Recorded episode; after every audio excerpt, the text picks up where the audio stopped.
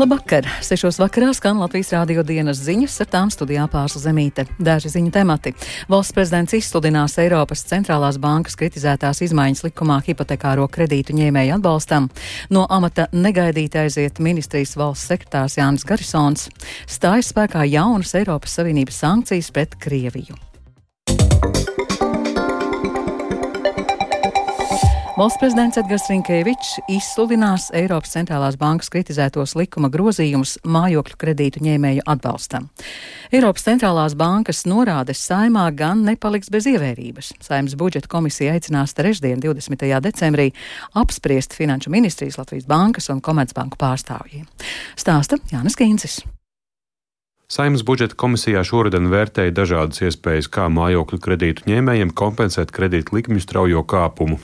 Plānoja kredīti iestāžu kritizētu ieceru ieviest īpašu nodevu, ko pāraudzītu pašas bankas un pēc konkrētiem kritērijiem mazinātu likmes hipotekārajiem kredītiem. Taču līdz balsojumam saimā nonāca cits risinājums.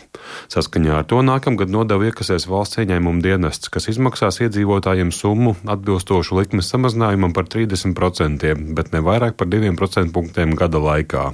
Šo atbalstu saņems lielais vairums aizņēmēju. Tie, kuriem kredīta atlikums ir līdz 250 tūkstošiem eiro un līgums noslēgts līdz 31. oktobrim.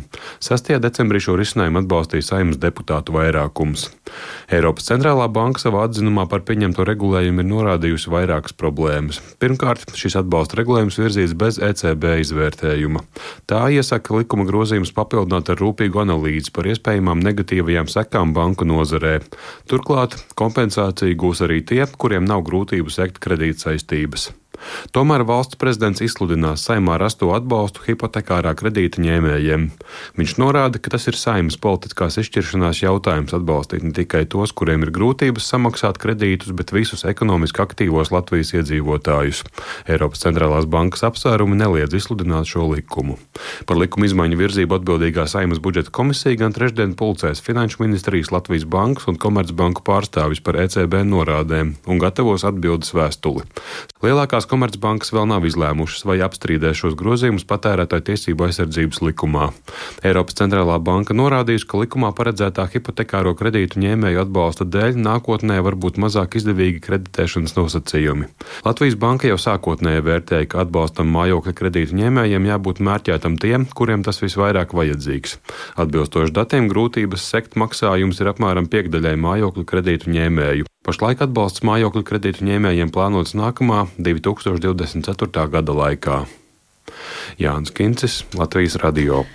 Pēc astoņiem gadiem valsts sekretāra amatā un vēl ilgāka laika citos aizsardzības ministrijas ierēdniecības krēslos par aiziešanu paziņojas valsts sekretārs Jānis Garisons. Kā galveno iemeslu Garisons min viedokļu nesaskaņas ar ministru Andris Prūdu no progresīvajiem. Sociālajā tīklā Facebook Garisons izteicies, ka aizsardzības nozares iekšējās reformās ir panākts daudz, lai padarītu procesu caurspīdīgāku, tomēr esot daudzi, kas to nevēlas. Valsts sekretāra aiziešana seko pēc ministrijas politiskās vadības maiņas, turklāt to ar vienu pavada gaismā nākušais skandalozais bruņoto spēku daudz miljonu iepirkums. Bijušais aizsardzības ministrs Artis Pabriks no attīstībai par, par tik augsta ierēģņa aiziešanu pauž satraukumu. Mani no vienas puses baida tas, ka Jānim Garisonam aizejot, mēs zaudēsim kaut ko no ļoti dārgā laika, kas pašlaik mums pietrūkst eh, drošības nozarē. Viens no lielākiem Jāņa Garisona pienesumiem, manuprāt, nozarē ir bijis tas, ka viņš ir bijis ļoti spēcīgs balsts visiem ministriem. Ministrs jau nevar sagatavot nevienu dokumentu, nevienu uh, lēmumu, kas skar, teiksim, infrastruktūru vai kaut kādas jaunas lietas, ja viņam nav spēcīga aizmugure ministrijas ierēdniecībā. Arī politologs Filips Rajevskis uzskata, ka Garisona aiziešana šobrīd aizsardzības nozarei par labu nenāk.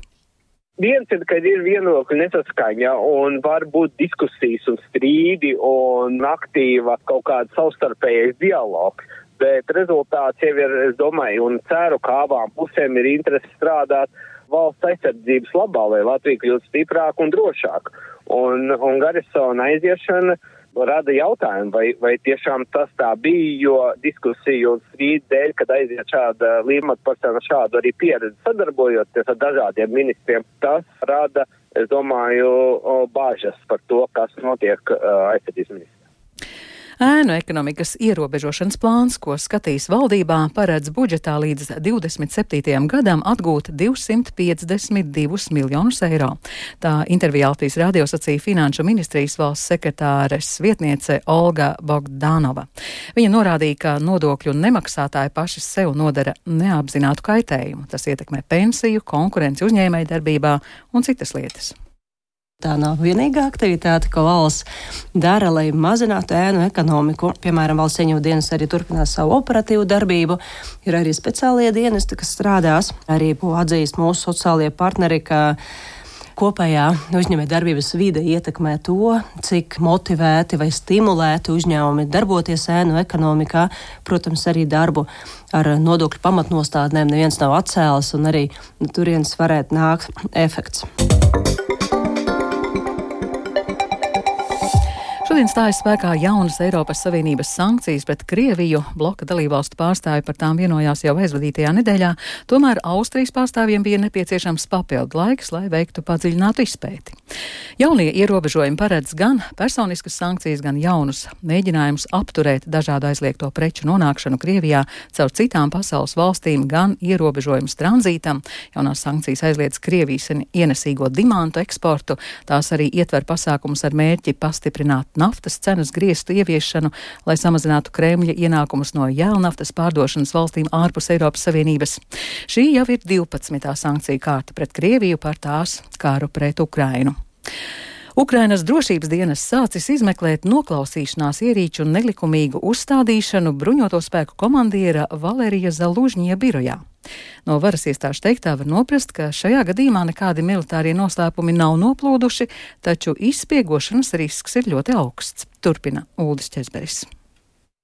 Bijusi Ukrainas aizsardzības ministra vietniece Hanna Maļara, komentējot ziņas par noklausīšanās ierīcēm Zalužnie birojā, apgalvoja, ka visiem ir zināms par iespējamu noklausīšanos un informācijas noplūdi, tāpēc nu, tas tiek vienmēr tiekot ņemts vērā balss saziņā. Un Maļara arī piebilda, ka ir zināms par gadījumiem, kad no, arī no bruņoto spēku ģenerāla štāba ir noplūdusi slepena militārā informācija. Viņa gan neprecizēja, par kādiem gadījumiem ir runa. Ukrainā ir atjaunota publiska pieeja valsts amatpersonu deklarācijām. Sākoties Krievijas vispārējiem iebrukumam, deklarācija publiskošana tika pārtraukta, bet tagad līdz ar centieniem iestāties Eiropas Savienībā tā ir atjaunota, un līdz janvāra beigām valsts un pašvaldību amatpersonām ir jāiesniedz deklarācijas par iepriekšējiem diviem gadiem. Amatpersonas gan pagaidām nesteidzas atklāt savus ienākumus un tēriņus, bet šīs informācijas publiskošana palīdzēs korupcijas apkarotājiem. Stāsta mūsu korespondenta Ukrainā Indras Brānce. Pirmā persona Ukrainā valsts prezidents Volodimirs Zelenskis deklarācijas par pagājušo gadu un aizpagājušo vēl nav iesniedzis, un pēdējā viņa deklarācija, kas atrodam šajā datubāzē, ir par 2020. gadu, un tur ir redzams, ka Zelenskis ir deklarējis virkni, nu, samērā glaunu dzīvokļu Kīvā, un divi no tiem ir pat vairāk kā 200 kvadrātmetrus lieli. Zelenskim ir bijuši arī prāvi uzkrājumi, no kuriem interesanti, ka viena daļa Zelenskis vairākus gadus, gadus glabājas arī Latvijas bankā, un tā ir Private banka, Latvijas banka, kuras kontos Zelenskis glabājas, nu, vismaz atbilstoši pēdējai deklarācijai, nepilnus 400 tūkstošus eiro. Šobrīd vēl nav zināms, vai Zelenskis joprojām šeit Latvijā glabā naudu, tas tad būs redzams drīzumā.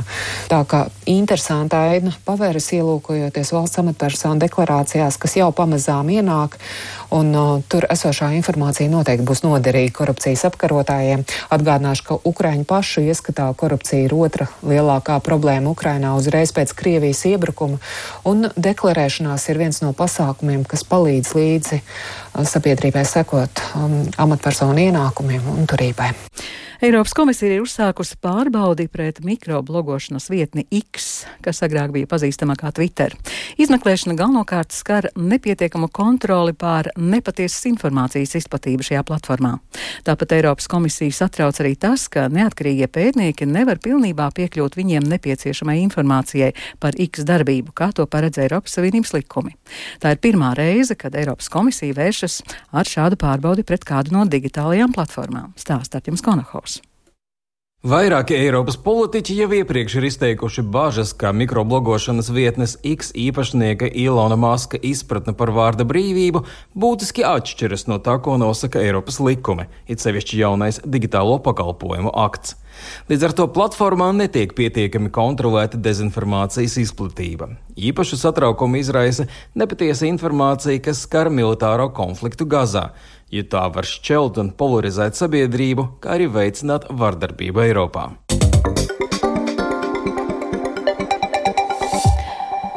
Liepājā viss ticamāk jau rīt slēgs pirms vairākiem mēnešiem izbūvēto ielas posmu Kārļa zāles laukumā, kas vēl nebija nodots eksploatācijā. Pēc atkušņa atklājies, ka nopietni bojāts ir bruģas segums. Vienojoties ar būvniekiem, plānots bruģi noņemt un rast pagaidu risinājumus, lai varētu atjaunot satiksmi pilsētas centrā jau līdz jaunajam gadam. Iespējams, ka šajā ielas posmā, kas ir viens no daudzajiem Eiropas Savienības līdzfinansētajiem ielu rekonstrukcijas projektiem Liepājā, nāksies pilnībā mainīt ielas segumu, visticamāk tur uzklās asfaltu. Vai tā ir kļūda projektēšanā un izvēlēts nepiemērots segums, vai iemesls ir būvniecības procesā, to noteiks ekspertīze. Šobrīd datus par saviem līdzekļiem veiks būvnieks uzņēmums CTB. Turpina Liepājas domas izpildu direktora vietnieks Dītis Jēriņš veidojās rises, apakšā ir sasaluma kārta, virsējā kārta ir atkususi, lielais nokrišņu daudzums un kūstošais sniegs. Caur bruģīti ir nonācis zem šī bruģīša un šīs te virsējās kārtas nu, nespēja būtībā ir būtiski samazinājusies. Ir skaidrs, ka tā atstāt nevar, un divi varianti. Viens vai nu izveidot šķembu kārtu, pa kuru ziemas laikā pārvietoties, vai otrs šķembu kārtu un uzlikt apakškārtu asfaltu. Bet no, tas ir atkarīgs no laika apstākļiem un dažiem citiem faktoriem.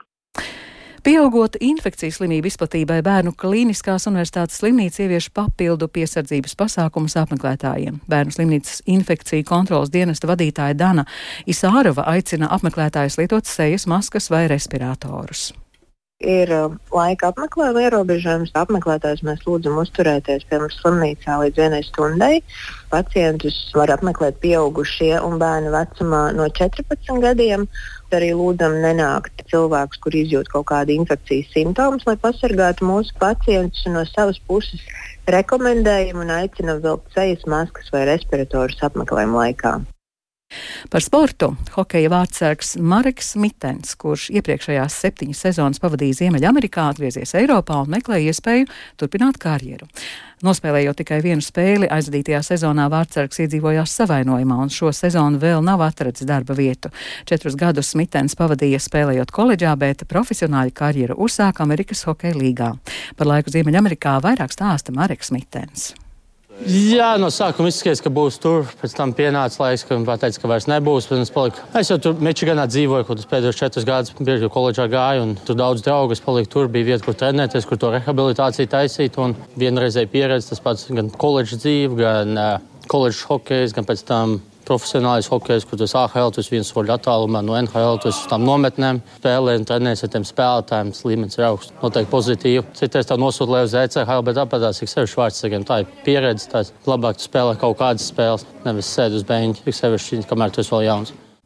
Un vēl sabiedrisko mediju labdarības maratonā dod pieci, kas šogad veltīts palīdzībai grūtībās nonākušiem jauniešiem. Līdz pulksten sešiem vakarā ir savākti 137 657 eiro.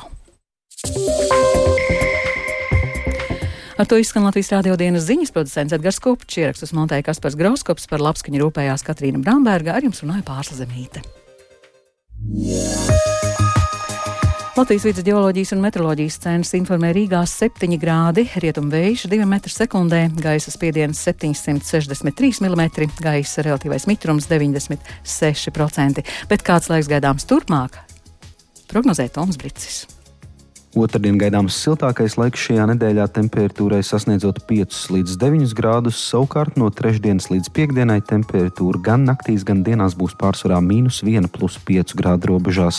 Darba nedēļā bieži gaidāmi nokrišņi, īpaši naktī uz otrdienu, kad visā Latvijā ilgstoši līs, kā arī naktī uz piekdienu, kad lietu jau pakāpeniski nomainīs slapjš sniegs un sniegs. Otradien arī brāzmaiņas dienvidrietumu rietumu vēju piekrastē ap 20 metriem sekundē.